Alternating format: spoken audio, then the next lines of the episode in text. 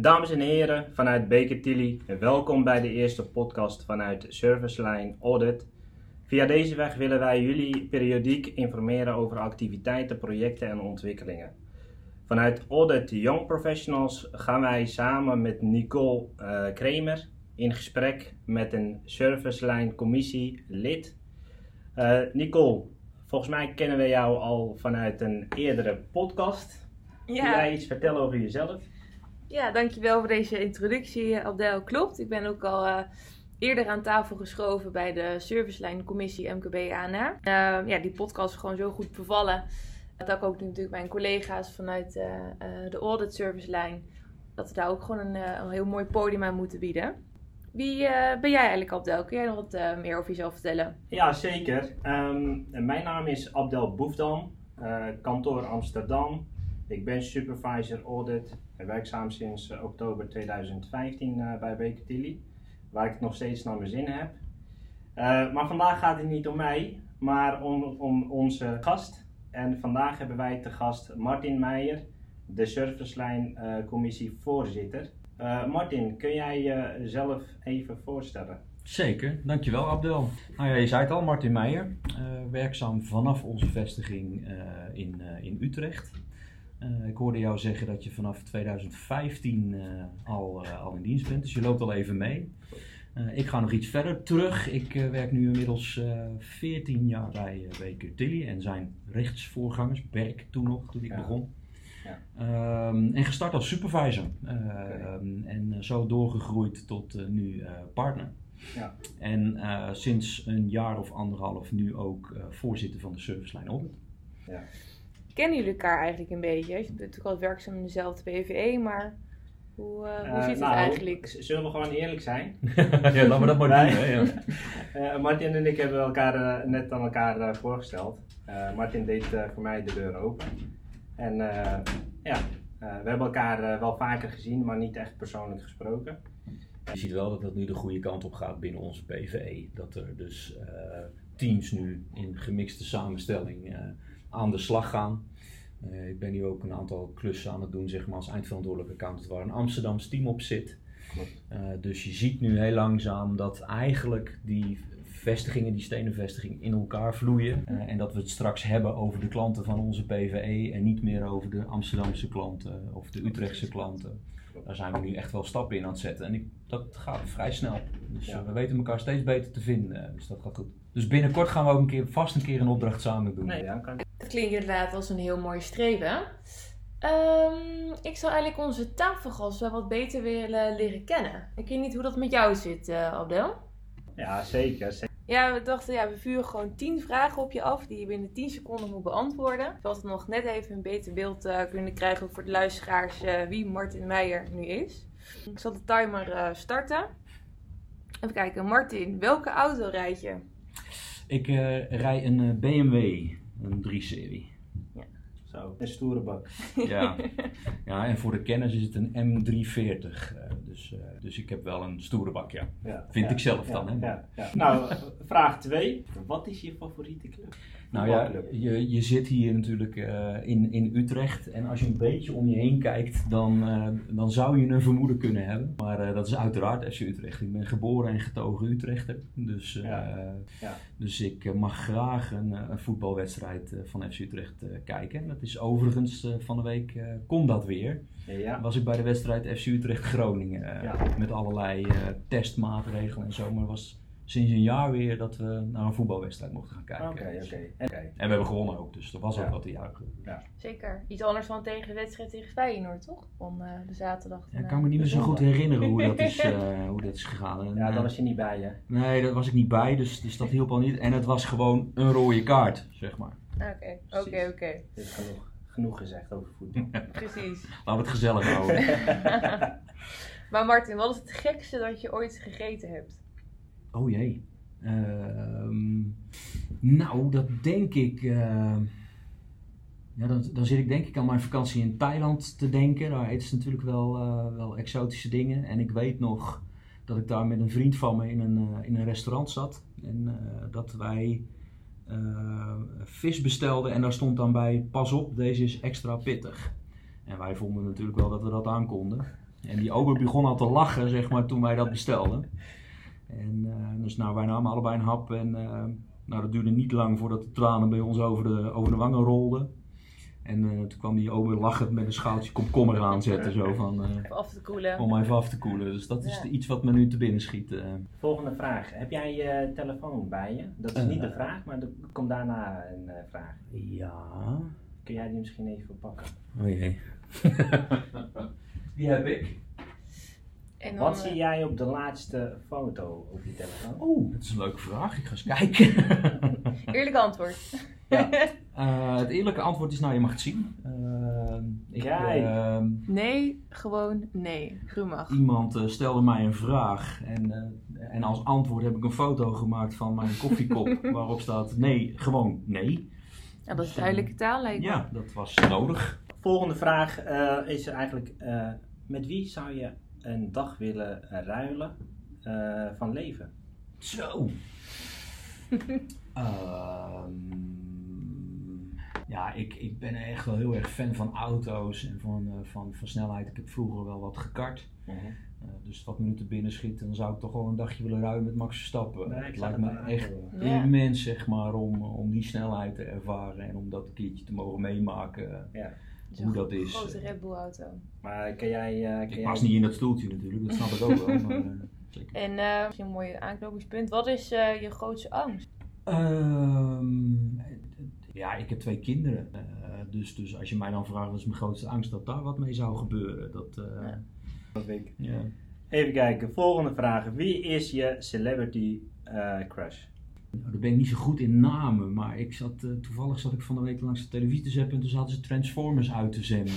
ja.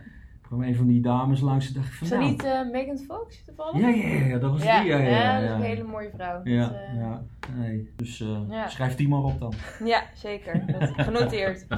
En eh, wat wilde je vroeger, of wat, wat wilde je vroeger worden als je later groot was? Eh, toen ik nog heel jong was, wa- vond ik. Accountant? nee, dat, toen, toen kon ik dat woord nog niet eens spellen, denk ik. Maar toen vond ik eh, archeoloog vond ik al heel erg Ah, interessant. Ja. Dus dan in Egypte zeg maar dingen opgraven en, en, en dat, dat vond ik al heel erg interessant. Ehm, en, ja, en later is dat uiteraard accountant geworden. Nu gaaf je in de jaarrekeningen. Nu is- ben ik ook aan het spitten, ja. nee, klopt inderdaad. Graaf in administraties. ja precies. Ehm, een laatste vraag. Wat weten wij niet over... Ja, zoveel en dat wil ik ook graag zo houden. En wat staat op één wat we niet over jou weten? Eén ding. Eh, vind, ik, vind ik een lastige vraag. Dus ik, ik kom daar gewoon straks even op terug. Ja, Ja. maar die parkeren. Ja, die parkeren we Parkeren gewoon even. even. Nou, top. Dan, eh, ik denk dat nu wel een, eh, de luisteraars ook een beter beeld hebben gekregen van eh, Martin. Ja. Dank ook voor de eerlijke antwoorden. Mm, nou ja, goed. Hè, zoals Abdel ook al aangaf, deze podcast is ook bedoeld om meer inzicht te geven in, in de activiteiten en projecten en wat we doen binnen de servicelijn audit. Ehm, de servicelijn audit is ongeveer al eh, twee jaar bijna onderweg. Eh, wat, eh, wat, heeft de vorige, ja, wat zijn de bewegingen voor jou om bij te dragen aan de SLC? Nou, leuke vraag. Ehm, ja, mijn beweegredenen. ik vind het altijd heel goed om ehm, kritisch te zijn naar een organisatie toe en, en wat van te vinden, hoe dingen gaan en hoe dingen lopen. Wat ik dan wel belangrijk vind, is als je dan kritisch bent, dat je ook zelf een bijdrage levert om daar eh, dingen in te verbeteren of in te veranderen. Dus je mag overal wat van vinden, maar dan ook je steentje bijdragen in, in de verbetering daarvan. Eh, dus, dus dat is ook de reden waarvan ik heb gezegd van nou, dan wil ik me ook wel inzetten voor de organisatie. En dus daarom ben ik... eh, En kun, jij ons meenemen in eigenlijk wat, wat de SLC doet? Ja, nou ja, goed. We kennen natuurlijk nu de, de structuur zeg maar, waarin we werken. We hebben enerzijds de PVE's en anderzijds hebben we de service lines. En de service lines eh, die zijn vooral gericht op de kwaliteit van eh, onze dienstverlening. Ehm, en dus de service line richt zich op alles wat te maken heeft met de kwaliteit van de audit. eh, in, in, in ons geval, in mijn geval. Ja. Eh, dus we zijn bezig aan nadenken van nou, hoe kunnen we eh, het vaktechnisch beter doen. Maar niet alleen vaktechnisch, maar ook hoe kunnen we het proces van de controle beter maken? Ja. Ehm, hoe kunnen we eh, van meer toegevoegde waarde zijn van, eh, voor onze klanten? Ja. En dat alles heeft natuurlijk een kwaliteitsaspect. En eh, dat is waar we ja, projecten op bedenken of definiëren, of wat vanuit de praktijk naar voren komt. Ja. En dan gaan we mee aan de slag. Zou je wat, eh, wat meer kunnen vertellen over de projecten ook waar jij zelf eh, in betrokken bent binnen de SLC, naast het voorzitterschap? Ja, nou op dit moment eh, ben ik zelf vanuit de SLC met een werkgroep bezig met auditmethodologie. Wat we aan het doen zijn is de methodologie van Baker Tilly beschrijven. Die is er natuurlijk al wel. Hè. We werken met BEAT en daar is natuurlijk een bepaalde visie op hoe, hoe, hoe controleren we een jaarrekening in uitgewerkt.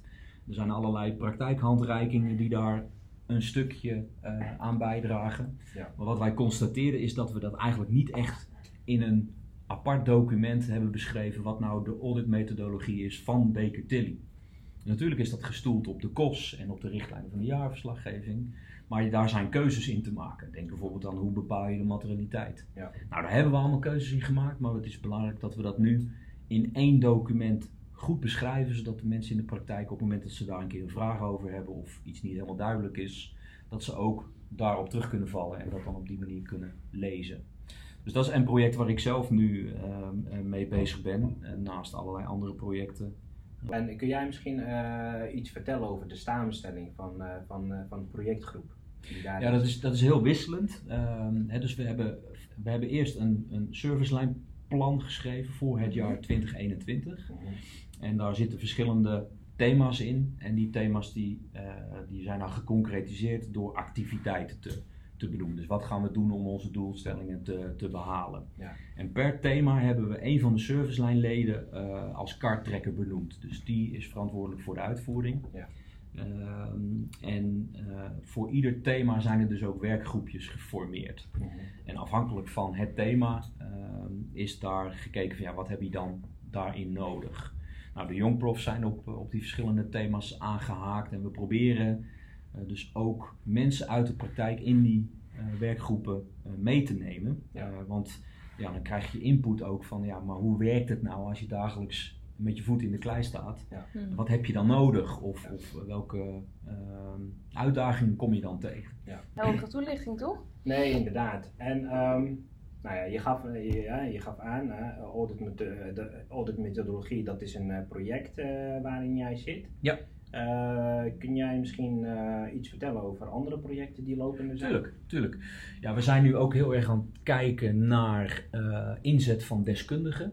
Ja. Ehm, we hebben natuurlijk toetsingen gedaan, interne toetsingen gedaan om te kijken van hey, als we nu een aantal dossiers bekijken, wat zien we dan? Hè? Op welke plekken zou eh, verbetering mogelijk zijn?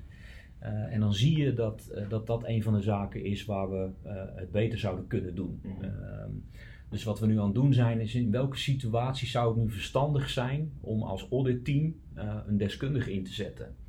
Ehm, en, en daar zijn we nu wat guidance op aan het verstrekken. Dus, dus we moeten ons realiseren dat we accountants zijn en misschien op sommige punten niet alle kennis in huis hebben om een goede beoordeling te maken. Klopt. Dus daar gaan we, dat is ook een project waar we nu mee bezig zijn, waarbij, waarbij we proberen voor de controlecyclus 2021 eh, daar wat meer guidance op te verstrekken. Ah, Oké, dat is dus eigenlijk al op korte termijn. Ja, ja dat zijn allemaal, dit zijn allemaal projecten die we in de loop van, 20, eh, van dit jaar willen, willen afronden. Ja. En dan houden we er ook rekening mee van ja, eh, als we daar wat voordeel van willen hebben in eh, de controle van 2021, ja, dan moet je wel eh. Ergens na de zomer daar toch wel klaar mee zijn. Ja, ja. Dus dat is het streven. Ja. Ja, andere projecten waar ik zelf ook nog aan moet denken zijn natuurlijk ook eh, hè, hoe innovatie is eh, geborgd. Zowel binnen de SLC als ook binnen de eh, organisatie zelf. En natuurlijk ook eh, visie op het vak. En ehm, nou, ik denk dat jij, Abdel, eh, je bent daar betrokken bij als eh jong professional bij die werkgroep. Ja. Ja, ik wil eigenlijk ook de vraag aan jullie allebei wil stellen. Eh, wat is eigenlijk jullie visie op eh, de auditpraktijk? Ja, ik zit inderdaad eh, vanuit de Young Professionals zit ik eh, bij eh, projectgroep Visie op het Vak. Dat doe ik samen met onder andere twee partners, Jeroen Spieker en Martin Ernst. Visie op het vak, dat gaat al eigenlijk over een tijdsbestek van, eigenlijk is het voor het, het, eh, 2025. Waar staan we dan als Baker Tilly en waar willen we staan? Ehm, daar gaan we over nadenken. Ehm, als we het bijvoorbeeld hebben over mensen, eh, is het natuurlijk eh, belangrijk voor Baker Tilly dat we, hè, zoals je net aangaf, het inschakelen van deskundigen. Dus hoe zorgen wij ervoor binnen Baker Tilly dat we de nodige mensen uh, ook binnen onze binnen, binnen, binnen Baker hebben. maar ook hoe zorgen we ervoor dat, dat er voldoende diversiteit, inclusiviteit aanwezig is. Eh, maar ook dat eh, eh, medewerkers zich kunnen ontwikkelen. en dat we die ook op, de, op, op basis van hun kracht kunnen inzetten. Heb je het bijvoorbeeld over, over technologieën, dan heb je het over nieuwe ontwikkelingen, controletechnieken die mogelijk belangrijk zijn. belangrijk zijn. Maar bijvoorbeeld ook data-analyse, dat wordt ook steeds belangrijker. En de vraag is natuurlijk, hoe ga je daarmee om als Baker Tilly? Hoe zorg je ervoor dat je tijdig reageert op wat de markt van je vraagt, of wat, eh, wat, wat het vak van je vraagt. Ehm, dus daar zijn we, zijn we mee bezig. En uh, de verwachting is dat we ook eind dit jaar dat we met een voorstel komen die dan naar het bestuur gaat. En nadat het bestuur uh, die vastgesteld heeft, dan zal die volgens mij op B thuis geplaatst worden. Maar volgens mij volgt er ook nog een, een presentatie. Ja. Nou, onwijs uh, leuk zo hoor. Hè? Goed om alvast na te denken over de toekomst. Ja. En een uh, stip op de horizon te zetten in 2025. Ja.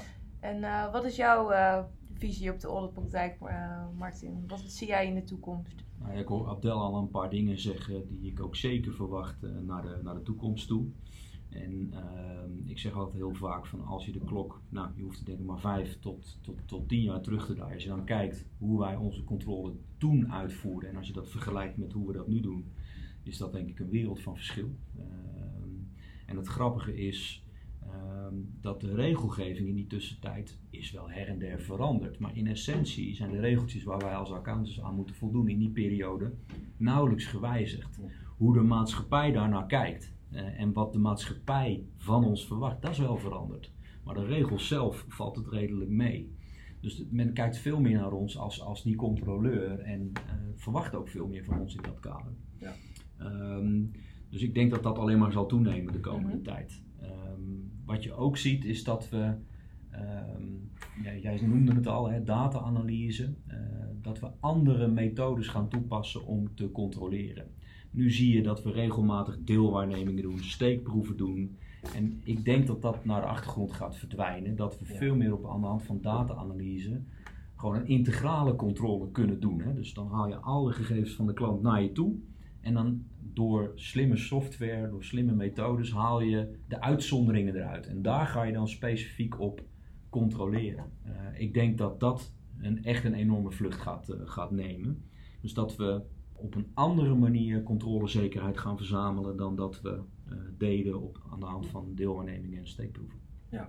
Ik denk dat dat een ontwikkeling is die we, die we heel sterk gaan zien en dat men kritisch is en kritisch zal blijven naar mhm. onze rol als accountant. Ja. Als ik kijk naar de, hè, als het beroep als uh, accountant, hoe uh, verwacht jij hoe dat zeg maar, in, de, in de maatschappij dan staat over vijf jaar? Is daar nog een veranderende nou rol in te merken? Ik denk zeker dat men kritisch blijft in hetgene wat wij doen. Mm -hmm. uh, en wat onze rol is zeg maar, bij, eh, bij de controle van de jaarrekening. Dat, dat is al ingezet mm -hmm. en, en dat zal zo blijven. Maar er zal ook van ons op andere vlekken, of vlakken controleinformatie gevraagd gaan worden. Mm duurzaamheid, CO2-uitstoot en dat soort zaken.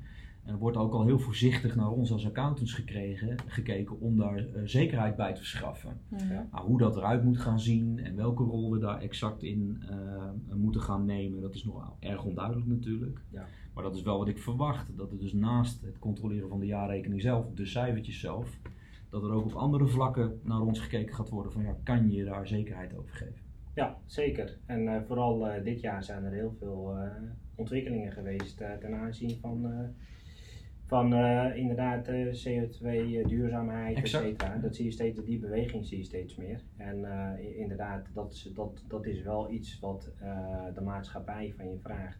En de vraag is, hoe ga je dat doen? hoe kan je daar invulling aan geven? En hebben we de expertise daarvoor? Kunnen wij dat als accountant? Of, dan komt het weer, moeten we daar de bepaalde deskundigheid voor in huis halen? Ja. En, Nou, dus dat zijn allemaal ontwikkelingen die we vanuit de servicelijn eh, ook eh, proberen te volgen en, en daarop te anticiperen. Ja.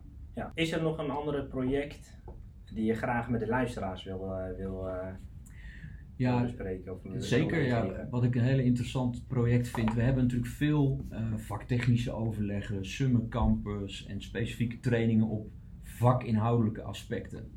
En waar we nu eh, ook op focussen is het proces van de controle. Dan heb ik het dus niet over de vakinhoudelijke kant daarvan, maar het procesmatige. Mhm. Hoe plan je een opdracht? Hoe stuur je een opdracht? Eh, hoe zorg je dat de klant eh, op tijd aanlevert wat je gevraagd hebt? En hoe ga je ermee om op het moment dat dat niet gebeurt? Eh, hoe ga je om met budgetbewaking? Wanneer review je het werk wat assistenten, supervisors en managers eh, hebben gedaan? Dus dat gaat helemaal niet over het vakinhoudelijke, maar over het procesmatige. Eh, ik denk dat dat ons heel erg veel kan brengen. Eh, ook in de kwaliteit van de audit. Want als het proces soepel loopt, denk ik dat de kwaliteit van de audit ook beter wordt. Ja. Maar de werkdruk kan je daardoor beter managen. Ja. Ehm, dus, dus ik vind dat heel interessant dat we daar nu als organisatie mee bezig zijn. Om ook niet alleen naar het vakinhoudelijke kwaliteit van de audit te kijken, maar ook naar het procesmatige. Ja. Nou, dat is ook een project waar we nu mee bezig zijn. Eh, sommige kantoren, sommige vestigingen, sommige PVE's hebben daar al stappen in gezet. Mhm. Eh, andere nog wat minder. En, en die zullen we vanuit de servicelijn nu ook binnenkort gaan helpen om dat proces van, van sturing op, eh, op auditopdrachten Ja. te- te optimaliseren. En je wil natuurlijk naar één beker Tilly eh, heen. Ja, de uniformiteit Ja. eh, is, is daarin eh, ja, ik, eh, in- heel belangrijk. Ehm, maar het feit dat we nu in die PVE samenwerken, zie je eigenlijk al dat dat gebeurt. Dat we meer naar elkaar toe groeien. Ehm, dus dat, ja, in Utrecht hebben wij een bepaalde werkwijze en in Amsterdam is dat op punten wellicht net iets anders. Nou, en het, door het feit dat je teams bij elkaar gaat zetten, dan ga je al zien dat, hé, hey, waarom doen jullie het zo? Ja, wij hebben deze keuze gemaakt. Ja. En dan leer je van elkaar. Ja. Dus, eh, dus die stappen, die, dat gaat nu hard de- door de vorming van de PVE's. Nee, klopt. En eh, wij merken dat ook. Ja, ik zou nog even terugkomen op de vraag van eh, wat, eh, wat weten jullie niet van mij? Oh ja, had ik laat even daar geparkeerd. eh, als mooie Ja. afsluiter. eh, Ja, ik heb daar nu even de tijd gehad om over na te denken. Ehm, en de mensen die op kantoor Utrecht eh, eh, werken, die weten dat wel. Ehm, dus voor hun zal het een, meer een bevestiging zijn. Maar eh, ik ben geen ochtendmens. Dus, Geen ochtendmens. Oké. dus, eh, voor degenen die wat verder eh, in het land zitten, eh, s ochtends om 8 uur moet je mij niet bellen. Dat is gewoon niet verstandig. Nee? Nee, moet je niet doen. En Gewoon vanaf hoe laat kunnen wij jou bellen?